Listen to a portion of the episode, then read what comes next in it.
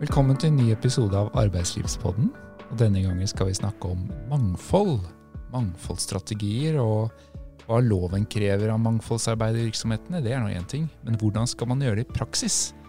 Det blir eh, spennende å høre. og Mitt navn er Henning Heitmann. Jeg jobber i SAND som var arbeidsrettsadvokat. Så i dag har jeg med meg Yoti Sohal David og Marin Zumbo Villets.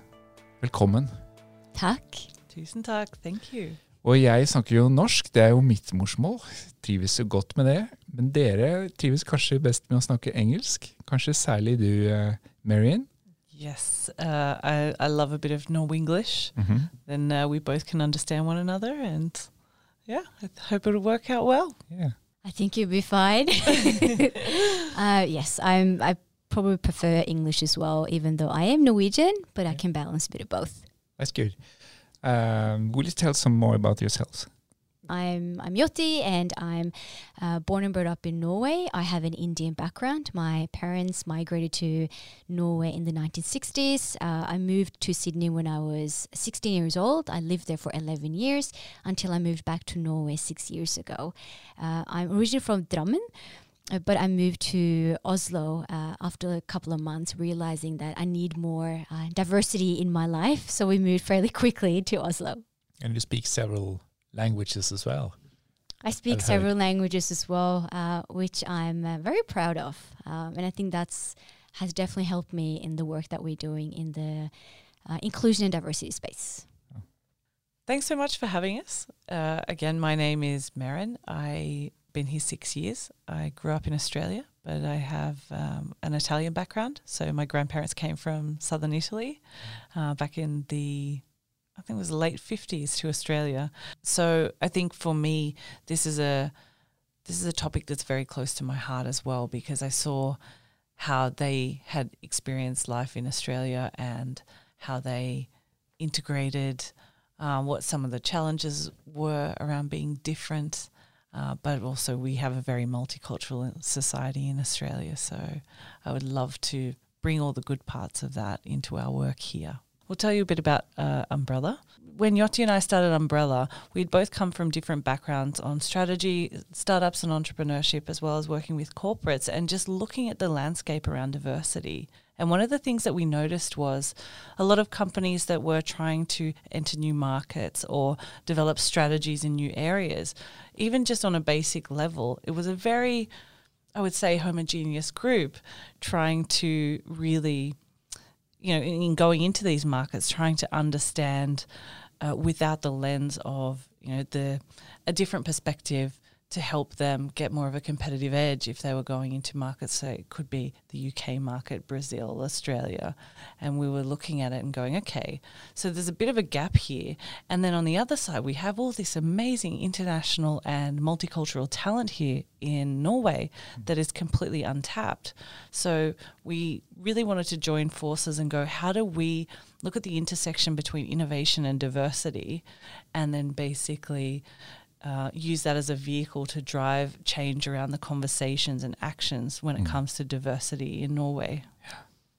Do you want to add to that, Jyoti? Yeah, I guess uh, kind of uh, taking away from Umbrella but moving into Board Diverse. Um, and Board Diverse was an issue that came out of Umbrella based on what we were seeing around recruitment. So there was a lot of um, internationals that were getting recruited into startup and scale up ecosystem. But what we found was when we asked a question around, okay, what does the board look like? You know, what kind of people do you have up in the board? Because at the at the ground level, you, are incredible at doing diversity, but what's happened with the middle managers and then in the leadership positions? Because that was very homogeneous.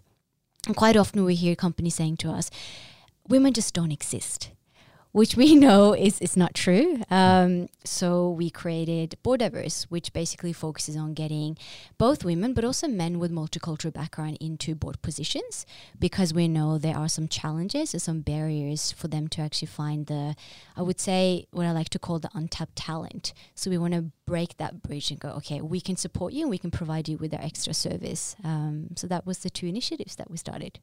Ah, interesting. We'll see how uh, it can be used in a daily basis. Uh, by our customers and how this can be implemented in, in Norwegian business models. Før vi går videre dit, så skal vi se litt på hva loven egentlig sier om mangfold. For det tror jeg er mer enn de fleste vet. Ja. Eh, man tenker man er en moderne og fremadstormende bedrift som er før lovverket når man sier man har en mangfoldsstrategi.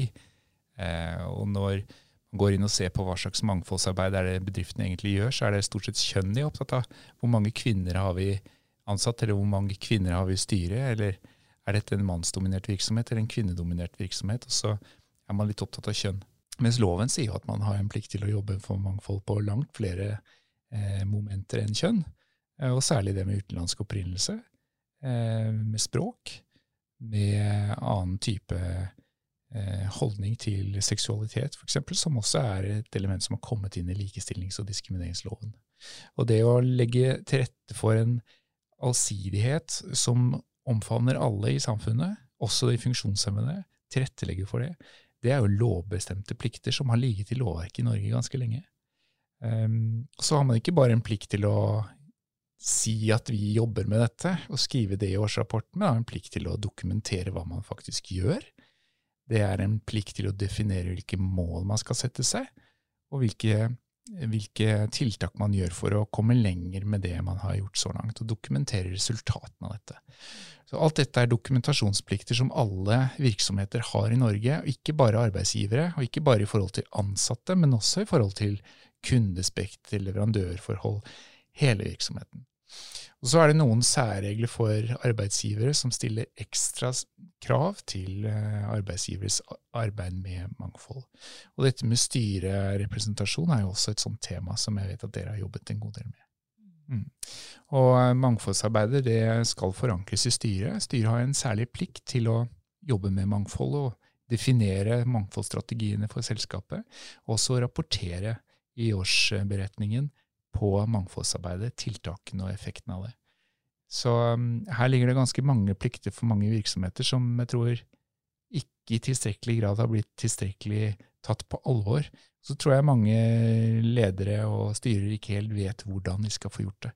Så nå er jeg veldig spent på å høre fra dere hvilke erfaringer dere har i å arbeide med eh, mangfold i virksomhetene. Men før vi går dit, skal vi høre litt om hvilke fordeler ligger i å få til et bedre mangfold. Hva er, hva er nytten av det? Uh, well, yeah, there's a lot of benefits working with diversity, but I also think, you know, think about thinking about that typical McKinsey report that everyone uses every every time. Um, there is, of course, um, a benefit when it comes to innovation when we're looking at uh, economically, financially as well.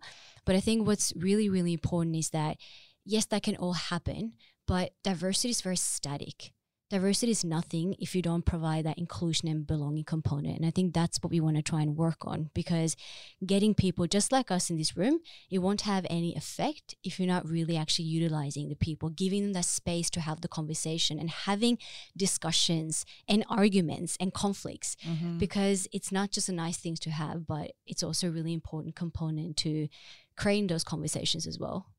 Did you want to add, Meryn?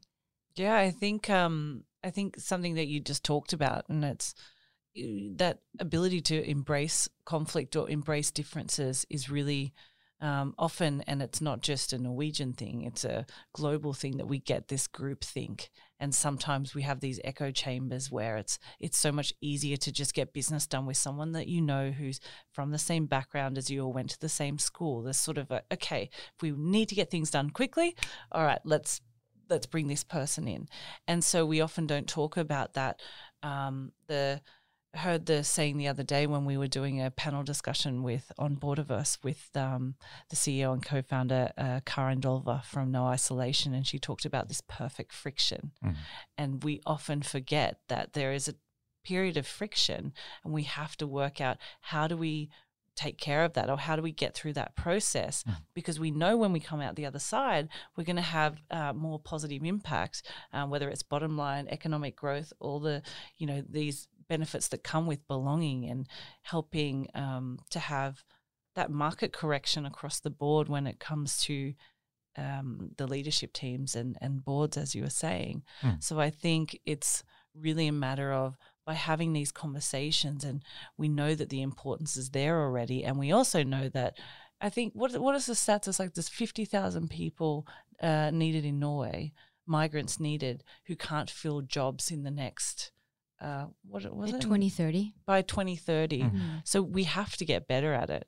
Yeah. That's really important. So there's a few layers here when it comes to there's the knowledge of it and that that it's not static, and then all the benefits, and then what to do um, once you bring them in and empower diverse talent is really important.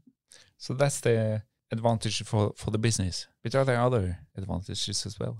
Absolutely. I think one advantage, of course, for the businesses, but also looking at uh, like just generally the model in Norway. We're only, where are we now? 5.1 or 5.2 uh, million people. Um, just looking at some of the reports that came out recently where where we're shouting and screaming for more talent. We Mm. need them, but very often we don't know how to take care of them. I think that's one of the biggest problems. We have about 400 people in our database that are based in Norway looking for opportunities and work. But very often um, they will hear either they're overqualified or they will get a lower um, paid salary for a job. But we want to showcase and promote, you know, the fact that companies are so lucky to bring in those people. Why why is it that we always see the diversity as quite often sometimes negative? Like the fact that you're bringing so much in your suitcase, you know, you have moved from a different country, um, you need to learn a new language, you need to stand on your own feet. Like, why isn't that seen as something um, something incredible? And that's what I really struggle with when we are doing the work that we're doing. Why can't people see it as something beneficial to the society, something different? I like to call it a spice, some some different spice. Mhm. And I think one of the biggest challenges is, you know, the word annerledeshet, being different in Norway, is very often seen as something negative. Mm. And I think it's because migration is still fairly new in Norway, comparing it to Australia, for example. Mm. Yeah. But it's about having those conversations on how do you actually embrace what's different and how do you celebrate that? And what are we really afraid of when you go from, you know, what we call having that fixed mindset to growth mindset? For hva er ulempene med mangfoldet? I think a disadvantage, um, maybe maybe disadvantage is not the right word, but when diversity is not done authentically, Mm. that's a real disadvantage to a business because that affects culture. So often t- people talk about, and this is something Jyoti mentions a lot, cultural add versus cultural fit. And often people are looking for cultural fit. Mm. Um, and when they bring someone else in, it's like, okay, are you cross country skiing every day? are you, you know, um, are you doing particularly um, Norwegian things? Yeah. And this is how you have to fit in. And a lot of people don't fit that mold. And even if they do fit it to a certain extent, they're not able to have that sense of belonging because of what they bring to the table. So it should be a cultural exchange. Hmm. And the other thing is what we see is companies can come to us and say, oh, we need unconscious bias training. We're like, that's great if it is anchored in leadership, if it is anchored in a strategy, if it is anchored in a process for the organization. Um, but just having one unconscious bias workshop where it's like, okay, now you um, are aware of the things, but you don't have any tools to be able to change your behavior uh, over time. It just means you're aware of it, but nothing is changing. You're still upholding, say, let's say, a status that supports maybe the status quo. So that has to change as well. So that's where tokenization can happen as well. You hear of, you know, we've had women talk to us saying, I've been invited to this uh, board and I want to be able to contribute. But what I realize that is I'm there for the optics and they can't do their best work. They can't be respected. Uh, so either they need to have good allies around them who can say, "Hey, I'm going to back the this new person who's coming in who might do things a bit differently," and have that understanding or that context of why, and be able to, yeah, really work together to be able to create the change because you can't um, bring in what often Norwegians will call like a wild card. And it's like, well, it's not really wild in a way, but it's a wild card for organizations who are trying to do more to think out of the, um, or trying to break out of the molds. Um, if you're going to bring a wild card in, how do you support and celebrate that, that wild card? Yeah, that's that's a really good point. I think that's where leadership training comes into place, right? So how do you sort of give them the tools and the strategies to to be able to nurture when you bring in that diversity of people in the company. If you don't start at the top, how are you supposed to create that change? And often we see when speaking to companies that it's not anchored in leadership. Very often it's the HR managers that are having those conversations. Mm. Um, and that's great. You know, it's great that they're the allies, but it needs to go further up to actually build that um, resilience, but also that support. Mm. And I think building on what you're saying, and because you're we're speaking to a lot of people in HR in this podcast, I think it is a really tricky time for HR because sometimes they don't have the influence with the employees mm. because the employees think that they're working for the leadership team, but then they can't have the same influence on the leadership level to be able to shift things. So they're in this rock and a hard place. Yeah. And HR is being redefined right now. It's not just, okay, you've got your um, employee contracts and uh, salaries and so on and so forth, not the operations side. Now it's like, okay, a lot of companies are saying, we want more of our, our HR people to be able to do some of this mm. training, etc. Mm. They need so, a business partner. Exactly. So they need a business partner. And um, so there's all of these different what's the word like just different roles that they have to play and it's trying to figure out what is the area of diversity that HR helps empower that is anchored by leadership as well as has a ground up approach from the managers as well mm. so that everyone can you know we talk about reimagining the global workforce in an umbrella we also need to reimagine HR in order to have a more effective uh, longer term strategy when it comes to engaged authentic diverse talent but you're working on on the board level as well. Yes, yeah, and for us. I think, as Jyoti said before, like we really call BS when it's like, oh, we can't find the women, we can't find the people with the diverse backgrounds, and um, I think we're in a luxury position that they are attracted to us because that's what we do. We do all things diversity. We don't you know, as we say, reverse discriminate and say, oh, you can't come on if you're uh, Norwegian or a, a, man, for example. But for us, just being able to say, we know that if we want to have a more sustainable future, we know we need to engage different people because the way we've treated the planet, the way we've treated people, mm. uh, it's not sustainable. And I was listening to a podcast the other day, and they said that the stats were that globally we are actually we have a system when it comes to the way our businesses, the way our lives are structured, that has benefited less than 10% of the population. So you have to have certain privileges already. You have to be, you know, um, male. You, and, and this is the thing as well. It doesn't even work for the men. We have these conversations where we're talking about how, you know, economically, maybe, um, you know, a certain white male will be uh, have the greater opportunities, but in other areas, whether it's parenting, whether it's lifestyle, whether it's uh, emotional, that whole emotional world, there are all these things where it's not working for everyone. So we want to try and make a shift on that. Mm. And by having more diversity in general in the boards, um, we can start to break some of these systems down that, that aren't working for people in in I keep using the word sustainable, but in sustainable ways because we can't just go, oh, here's the system, it doesn't work, let's throw it out. But how can we do things more effectively to support the hundred percent? Yeah, mm. but I also think it's about uh, this going on what you're saying, Meryn. It's about mirroring the society, and to be honest, I don't think we are mirroring the society in Norway today.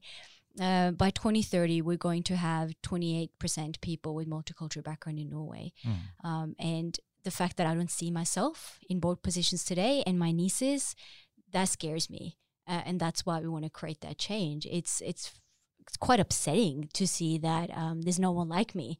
So how do you sort of instead of you know being upset about it and not do anything about it, we just want to go okay. Well, how do we create that change? How do we actually support those women and also men that doesn't have that opportunity today because there are systemic barriers in society today. Not because they don't excel, because we know they do, but it's just certain elements where we can provide that extra support. And I think with Board Diverse is one example, but there are many other companies now focusing on getting more people uh, with diverse backgrounds mm. on boards. Hva er det dere gjør for å bidra til at man får et mer mangfoldig styre? Og lykkes med mangfoldsarbeidet, rett og slett. Hva, hva er det dere bidrar med i den sammenheng? So we to to provide that extra support on how we um, can get more boards um, in the companies. So we do two things. One is recruitment uh, of uh, people with multicultural background, Mm-hmm. uh, both men and women. We already have a database and a pipeline of women that's co- come up to us and just said we want to register, and they've registered in our pipeline. Uh, women with leadership positions today who's just not getting uh, the opportunity. So we're trying to open up that door. And the second is we also do workshops, both for uh, women that wants to get on boards, uh, but also for companies. To, for them to also understand how to actually uh, maintain but also keep those people with multi- multicultural background on boards because i think there there is a need there's also companies that wants to but they just don't know how so we Mm. want to provide that um, workshop side um, and I guess Mary can speak more about it being on boards for 13 years and there's something that you always say. Yeah, I mean, well, there's a, a few things I say, but I got my first board opportunity when I was 23. So I started my first business at 22 in Australia, and then I got asked to be uh, on the board of the Chamber of Commerce, Mm. and uh, from there, then I started getting additional board opportunities when people could see uh, the value that I brought. And what I noticed is in a lot of the boards, in um, it was very much like, okay, here's the numbers, read through them. This is what we're doing. Here's where we've got our struggles, or here's some pain points, or we want to do this, or we've got to cut back money. And it was very passive. It wasn't a very active uh, space of inspiration and problem solving or using the network or the skills or the abilities that we have to see things differently to support the CEO and the team. And so I would find myself getting up, going, All right, we've got a blockage here or a barrier. I'd start getting up and strategizing. What can we do? What networks do you have? What opportunities can we? Let's think about this together. And from there, I realized that um, we need more of this kind of proactive thinking in boards uh, instead of it being as passive as a lot of them were. And so for me, saying, you know, I say it's not rocket science to be on a board. So often one of the challenges that we've found in building this is people saying, oh, well, we need this kind of competence or that kind of competence. And we go, okay, well, we know women with the leadership acumen, they're strategic, they have skin in the game. Um, for us, especially when we're doing programs, it's not that they need to have these long, you know, six, 12 month courses to get up to speed. It's often, you know, and we found as well people saying, do I have what it takes to be on a board? And it's like, yes, yes, you do. it's great that you ask. Um, but it's almost always yes. Yeah. And uh, the kind of the competence of most people have the financial acumen to be able to read a balance sheet and Mm. um, you know to interpret numbers, but also depending on what people are looking for, depending on what that expertise is, is it specifically legal? Is it specifically deep tech? Is it you know whatever it is? I think there's a myth that we can't find those people, and again because they come to us, we're in a better position to be able to say we have a pool here. Why don't you give them an opportunity? If done authentically, then I think we we can make huge changes. Mm. Betyr dette at dere også samarbeider med valgkomiteer i større selskaper og er tilgjengelig for å gi de forslag og innspill på kandidater til styret? Yes, we really want to get there, um, have the opportunity to work with that committee in the companies and being sort of an advisor and support them. Of course, we want to do that. And I think that's kind of the, the longevity of what we want to do. Um, right now, we're so fortunate that we have um, interesting like VC companies uh, reaching out to us who has a portfolio of um, companies that they uh, are in charge of. So they also have a lot of that they can leverage on. So things starting there and then building up on that momentum. Um, I think I've noticed with with Norway, things go slightly slow, or you have to grab at least a couple of two or three cup of coffees before you get into organizations, and Mm. that's something that I'm not used to coming from the startup ecosystem. I'm very much like, okay, let's get going. Um, so that was something that I need to get used to. That um, working with bigger Norwegian corporations and companies as well, I need to give it some space and some time before we actually get the foot into the door. Mm. It's a trust building uh, process first. Yeah, Absolutely. absolutely. Yeah. And I think trust for us, uh, and especially having you know done that in the Australian market, and we talked about this in our last meeting, Henning, Mm. where you know it's you can do this, you can do that. All right, let's make magic happen, uh, and we start testing and trying things. And so you also have to, you know, when we're talking about how we want to change or reshape the way that boardrooms look or reimagine the global workforce, we also acknowledge that we're coming in with pretty disruptive attitude. Mm. You know, when people get to meet with us, when we do workshops, etc., together, they will see that we're not just throwing the baby out with the bathwater. Mm. But I think having that, having those meetings where we build that trust, and it's like, okay, we're here to support you, but the way we do it is going to be maybe a little different from what you've experienced before. And then once we get that, oh, It's your dog. Speaking of diversity and inclusion, we have a small dog here who's uh, wanting to contribute to the conversation. That's okay. That's quite Um, Norwegian actually to allow uh, allow the, the dog to to to join the. yes, uh, she's very happy to contribute. yeah, if we treated um, you know diversity in general in the cult- country the way we do to to dogs, I think we In Norway, yes, yeah, people are so affected. They come up to them. You know, it's funny because when I first came here and I was smiling at people in the streets and I wasn't getting a smile back, I was like, "Is there something wrong with me? What's going on?" You know, this. And then I talked to other internationals and they were the same. But you know, walking around with the dog and she's just so happy. Everyone will come up. Can I pat her, please? I was like, "Oh, that's what I needed this whole time in order to, you know, get that connection with people." So yeah. Dere jobber jo med styrer og styrerekruttering. Um, jobber dere nå på administrativt nivå med ledere og organisasjoner, implementering av kulturendring og sånt? Er det noe dere har erfaring med? Vil dere si litt om, om det arbeidet? Yes, absolutely. So working with uh, on the leadership side with programs and um, and workshops, uh, we've we've done that uh, for a very long time. So Marin and I, we came from different angles. So I used to have my own company before that, and so did Meryn. And um, we worked with uh, with my past company with like companies like Storebrand, KLP. We did inclusive leadership programs and strategies. Um, and I think again that was really important for us because we, going back to everything that we said about, it has to be anchored with the leadership uh, first before Mm. you go into company to really understand like what are some of the core elements here and how can we support you in that. I think it's great to have workshops for you know two hours or four hours with with HR managers on inclusive recruitment practices. I think that's also really really important. But if you're going to create a change uh, on the administration level, on the systemic level, you have to start further up. Uh, we recently also worked with uh, Tietoevry. Um, I feel like almost I've become their salesperson because we really love working we had with a great experience with them. we worked sure. with um, the leadership positions there. Um, uh, it was I think twelve leaders uh, f- at International Women's Day, and we we did a workshop uh, on inclusive leadership or. You know, we talk about like Jedi mindset uh, from, if you know Star Wars, you, you would know what that means. Jedi stands for Justice, Equity, Diversity, and Inclusion. Uh, and I think the, the work with diversity and inclusion, it's really important, but you also need to keep in mind in how you angle it.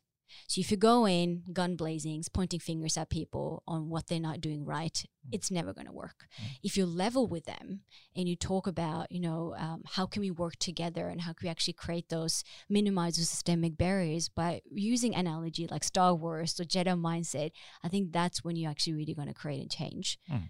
Yeah, because you want information as well that's sticky. And we've been talking about diversity, equity, belonging, inclusion, justice, DEIBJ. It's not as, you know, catchy as the Star Wars analogy. But one of the things as well that I really like about Jedi, it starts with J, which is justice. And this fits into what you were saying in the first place around these laws and policies on discrimination. And uh, this is really important that we tackle this because we were at a talk the other day. Uh, I spoke for Oslo Municipality uh, on their conference about discrimination. Um, and diversity and inclusion. And we saw across the Oslo Kommune stats on where people with multicultural and migrant back- backgrounds are being actively discriminated.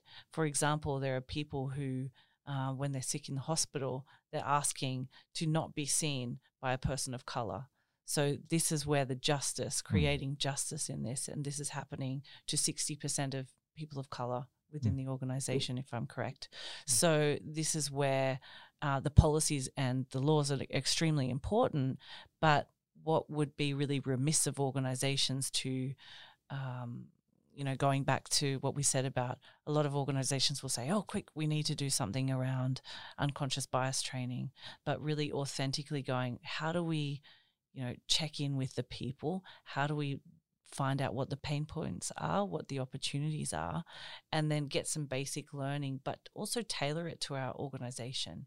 And I think that's what's really important. You can't just take, you know, an off the shelf way of doing things. Um, it's great that there's a lot of e-learning modules, etc., out there, and I think we really need those too.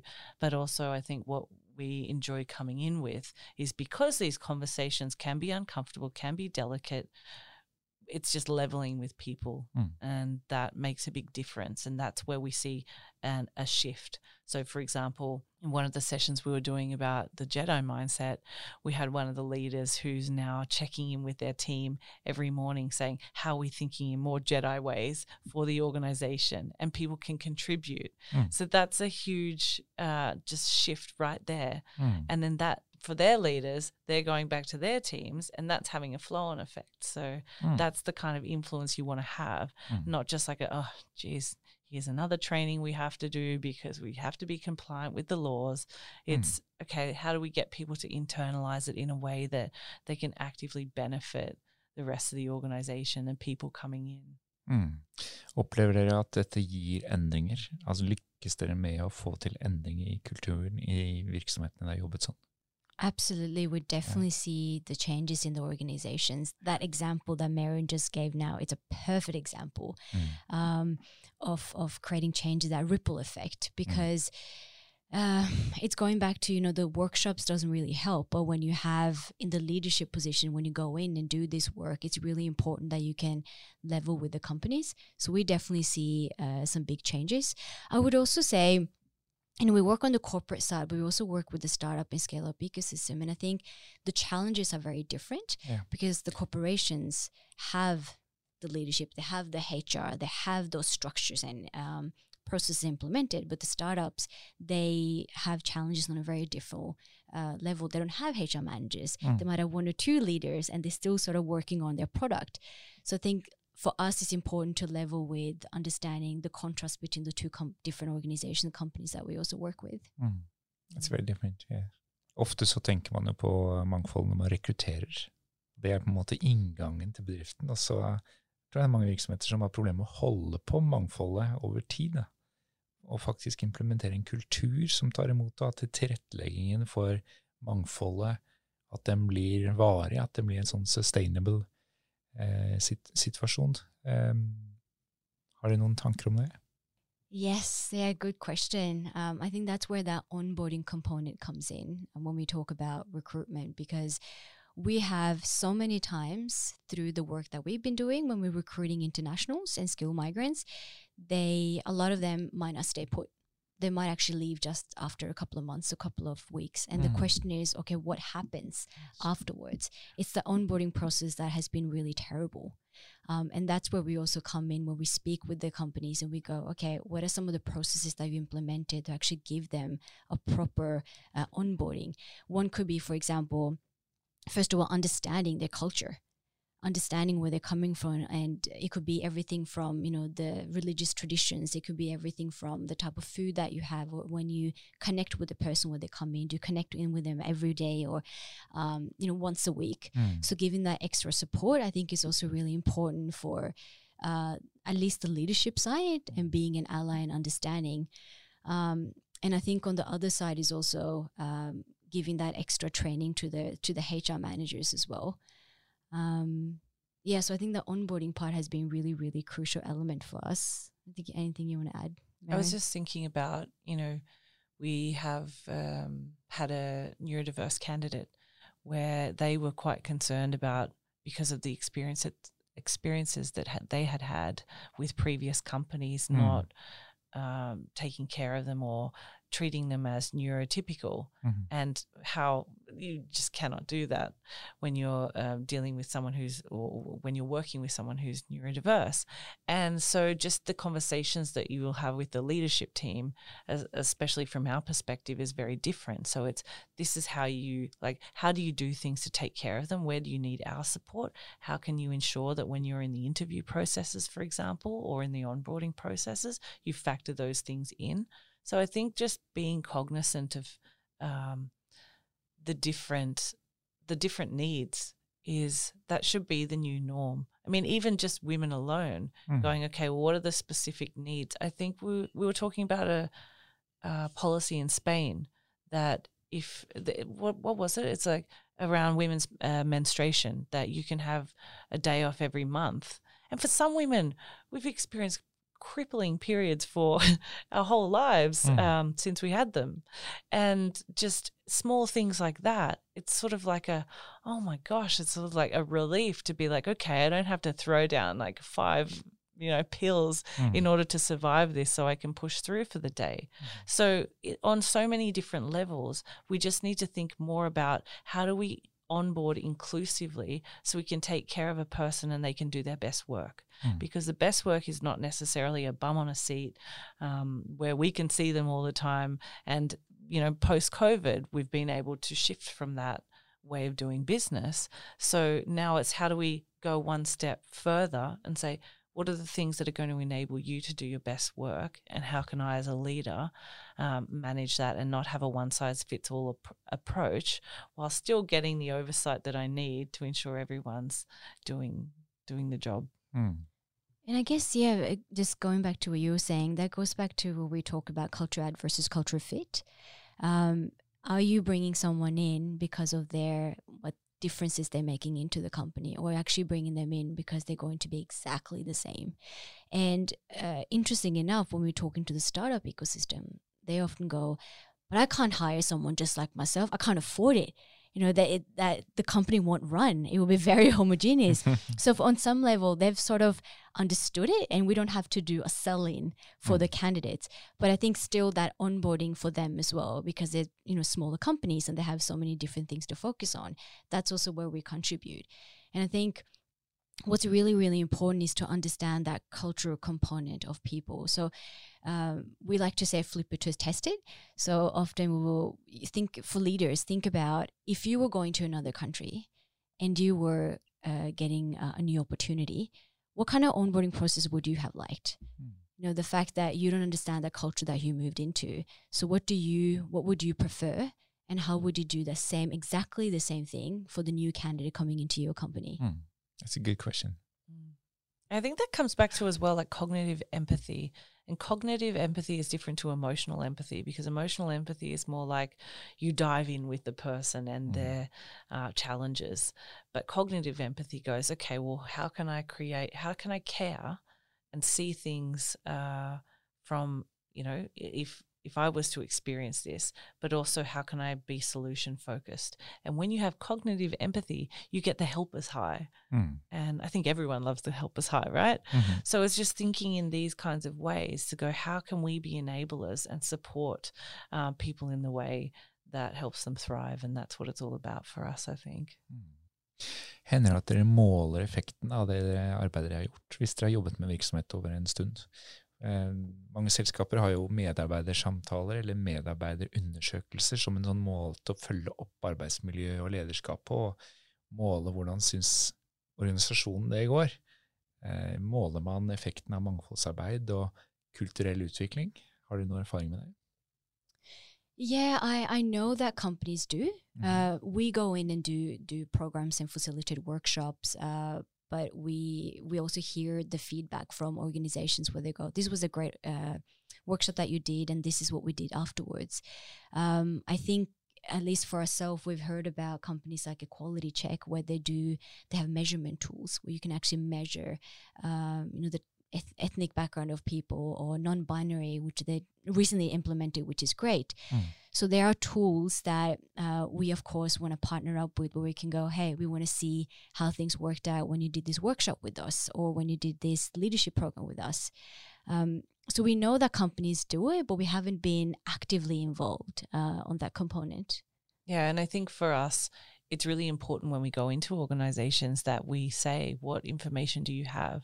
Because, you know, the saying, what can't be measured can't be ma- managed. I don't believe that in all cases, Mm. but when it comes to really having an inclusive uh, organization and recruitment strategy, etc., you need to have measurements in place, and that's where you know we were talking before um, the podcast started about the PA consulting Mm. uh, stats on one in the top 50 companies in Norway is a person with a multicultural background.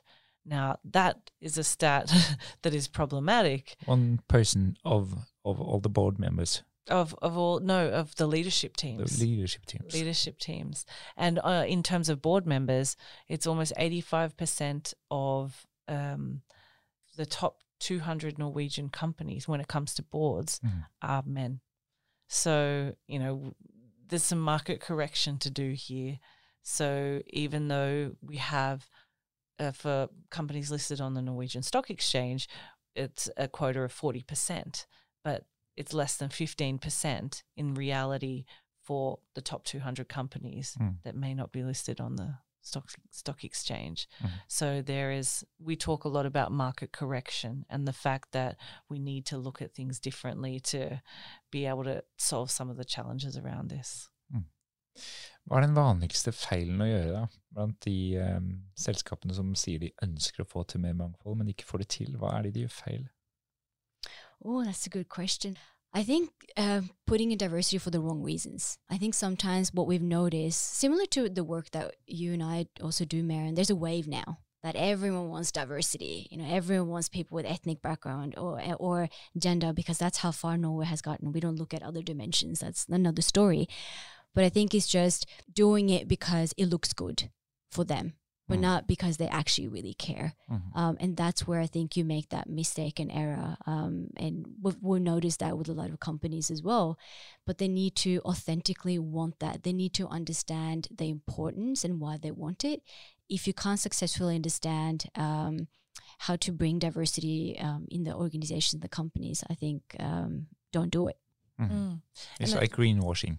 Yeah. Or color washing. yes, exactly. Yeah, Yeah. absolutely. Yeah. And I think what's also we find is, and going back to your question before about, you know, what this being able to have measurements uh, and having companies really, what we love is the trust that we build with these organizations who can say, all right, there are a few people in the, in the organizations that are really fearful about losing out. Mm. So going on the uh, Australian Aussies love their pies. So we talk about how do we bake a bigger pie instead of getting this whole sense of okay you're taking a slice out of my pie uh, Mm. you know i'm going to lose out and i think that's a common misconception Mm. that people are going to lose out so going back to like um, having a growth mindset is one of the first things that you need in order to have a growth strategy Mm. and in order to you know maybe there are some companies that don't want to expand that want to stay small and that's okay as well. But it is a competitive advantage at the end of the day if you want to do things differently to have people that are not like you in the organization. So just challenging that misconception of you're not going to lose out you're not going to lose your job it's it's i guess like any other change management piece if you're bringing in a new crm system they oh i like the the old one better and i could do my job better and I've heard that. Yeah. you know so it's the same so i think it's just like any kind of change management there are people like us who kind of run toward change Mm. Jyoti and i Mm. we're like right how can we do things differently how do we Mm. challenge ourselves and uh, uh, uh, each other and Mm. the people that we work with but there are plenty of people that aren't like that so it's just going back to that how do you create the psychological safety for them to express what their concerns might be without going okay no um, you know being enablers to that negative attitude towards having more more uh, people in the organization and moving up the organization that are different to them. Mm. So, yeah, do you want to build on that? yeah, no, I think I was just thinking about um, also building success stories around this as well.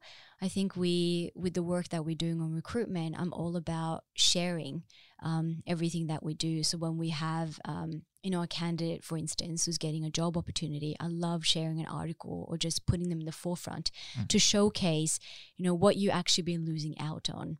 Mm. And I think by doing that, that's when you're gonna create a difference. But it, it kind of goes back to what I was saying earlier about, you know, Norway, we're still quite far behind. And at least for me, been living in Australia for 11 years, coming back home, I had a reverse culture shock Mm. where I felt excluded from the society. So I went, okay, what's what's going on here? And that's where that understanding of annerledeshet um, is very often still seen as uh, a little bit negative, I would say. Mm. But then instead of going, I don't want to help anyone or I don't like this society, I'm just going to go back, I go, okay, we see a problem.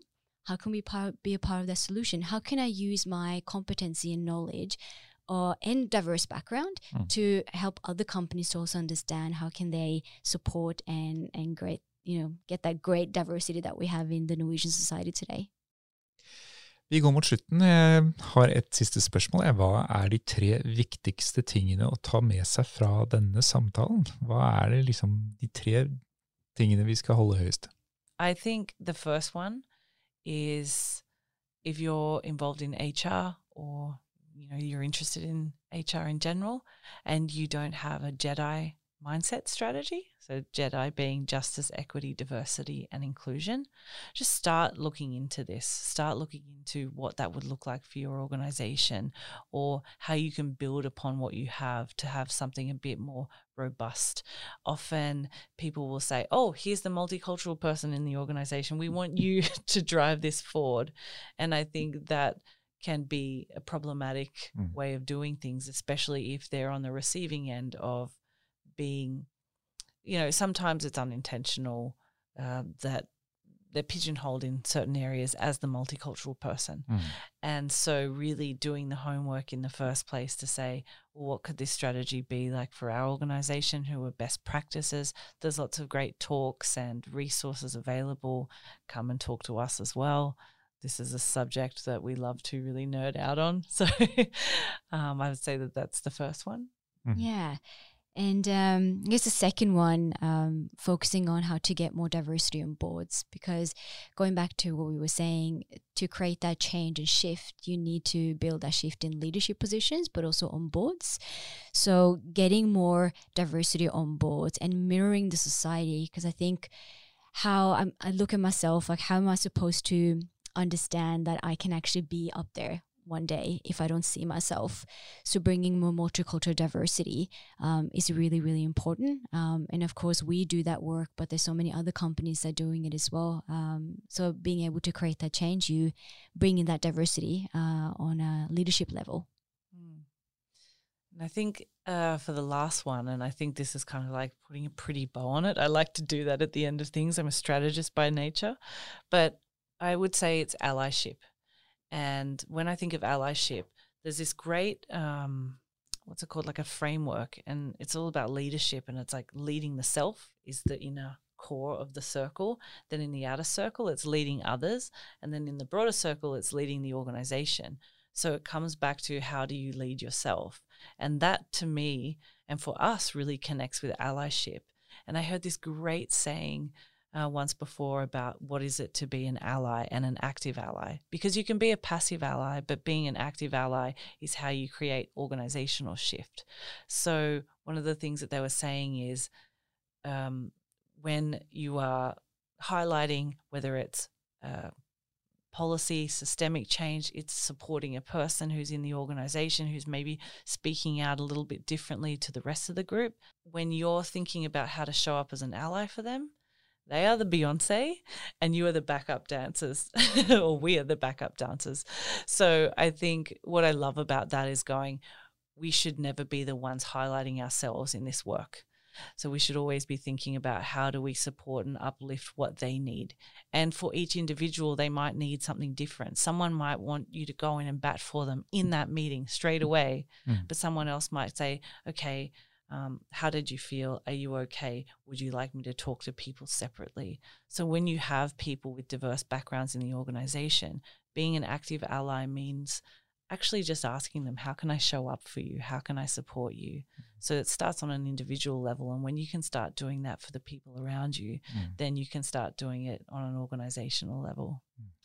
Yes, and I think just finishing up with a with a story as well, or, or just an example that uh, was very personal to me. Um, I just remember one day, you know, my husband came home, and he was in a meeting, um, and his Aussie background. and he has Aussie background, yes. Um, and he came back from a meeting, and he said, you know, um, two of the people in the meeting were American, uh, but they don't understand Norwegian. But the the leader kept speaking in Norwegian, and I felt really uncomfortable. Mm.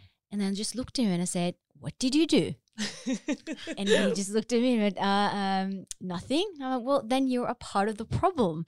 So you can't be just speaking about this and and not doing anything about the problem. So going back to what and saying, being an active ally doesn't mean you have to yell out and go speak English, Mm. but you can go up to the person later on and say, you know, would you like me to support you? Would you like me to say something, or do you want to have that conversation? Mm. So, because sometimes people get uncomfortable and they want they don't want to make other uncomfortable by swapping the language. But I think it's really important to have that extra support.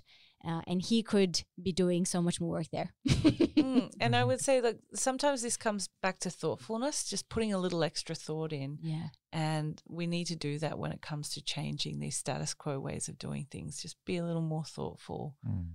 of uh, how we use the abilities or the, you know, the benefits that we've received to share the pie with others. Mm. Yeah, Absolutely. that's a cultural shift there. Yes. Indeed. Yes, tusen, tusen takk for at dere kom og brukte tid på å dele litt rundt mangfoldsarbeid og de erfaringene dere har, som er gull verdt, og som mange arbeidsgivere og styrer og selskaper i Norge kunne ha god nytte av å dra, dra med seg. Eh, takk for eh, bidraget, og så håper jeg at våre lyttere har fått eh, nyttige innspill på mangfoldsarbeid. Takk for oss. Takk for oss. Thanks for having us.